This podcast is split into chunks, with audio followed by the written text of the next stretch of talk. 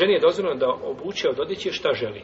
Nije odjeća žene vezana, a kao odjeća muškarca. To smo, u tome smo spominjali nešto kada smo govorili u ihramima. I posebno žene iz Egipta se ističu u ovome pogledu. One sve nose bijelo.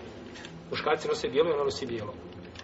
Ili je ljubomorna na muškarca ili šta je, ne zna, Ali nosi bijelo, ona hoće bijelo odjeću. Nije. Žena nosi odjeću koju želi, kakve hoće boje. Izgleda nije bitno. Nema smetnje da odjeva se kako želi. Jeli? Svakako kada kažemo kako želi, da ta odjeća odgovara čemu? Šerijatskim propisima. Znači, neće doći pantalonama. To je zabranjeno.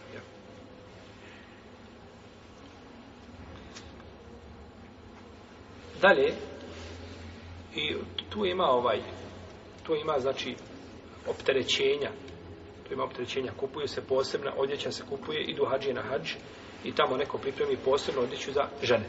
I ta odjeća košta, ovaj, uglavnom se obično se dobro naplati, i košta puno i žene moraju biti sve šta jednobrazno obučene.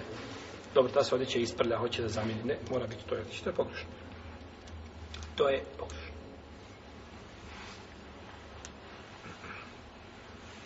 Dozvoljeno je ženi, pored toga da oblači odjeće što želi, da obuče odjeću koja je prošivena. muškarac ne smije da oblači ono što je prošiveno. Kad smo govorili da je šiveno, šta smo kazali? A? Da je šiveno? Znači u obliku tijela. Da je tako napravljeno da bude u obliku tijela. Sve što nije u obliku tijela, znači to je propis je drugačiji. Sve što nije u obliku tijela, propis je drugačiji.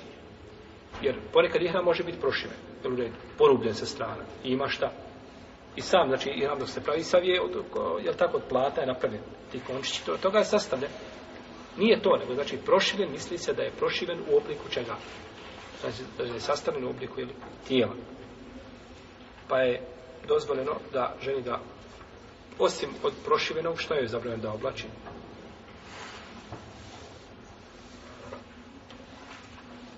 Ko zna? Recite. Rukavice i? I nikam, zato što je prane za lice, tako, uz lice biva. I rukavice koje su prošivene. Te, te dvije stvari je došlo u hadisu, la ten taklibu muhrimetu, la rako rukufazejni. U hadisu Ibn Omara kod Buharije, jer neće žena koja je ranima stavljati nikam, neće oblačiti rukavice. Znači, to je, to je zabranjeno. A protivno sve drugo što je šiveno, uz tijelo svakako da je dozvoljeno, znači da oblači. Može obuti i mestre. I ne mora ih kratiti šta ispod članaka. Jel u redu? Ne mora krati mjeste kao ko? Muškarac. Ne mora krati ispod članaka. je danas skupinu žena, vidjet ćete, ne znam jeste vidjeli kako. U arapskom svijetu se da Nose odjeću iznad, žene nose iznad članaka jedan pedalj. Ili, ili jedan dio iznad članaka ovako, nose odjeću. Žene. Znači sve babi kratki. Kao da je neko potkratio. Za pedalj. Znači treba biti pedalj ili duže. I uzmeju hadis poslanika, sve što je ispošlana kada ide šta u, u vatru. A muškarci svi spustili odjeću i vučuje je po zemlji.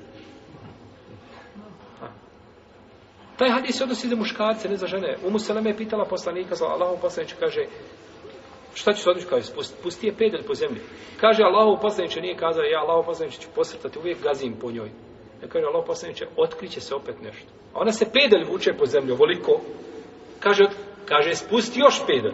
To jeste podlaktice u drugoj predaji. Znači, pola metra, nek po zemlji se. I nemoj, kaže, dodavati više na to. To je to. Ne smiješ više od toga. Pa nije za žene taj propis. Nego je propis, znači, za žene da spuste svoju odjeću što može više, to je bolje. A za muškarce, znači, da dignu svoju odjeću i da ne ide odjeća nikako preko članka.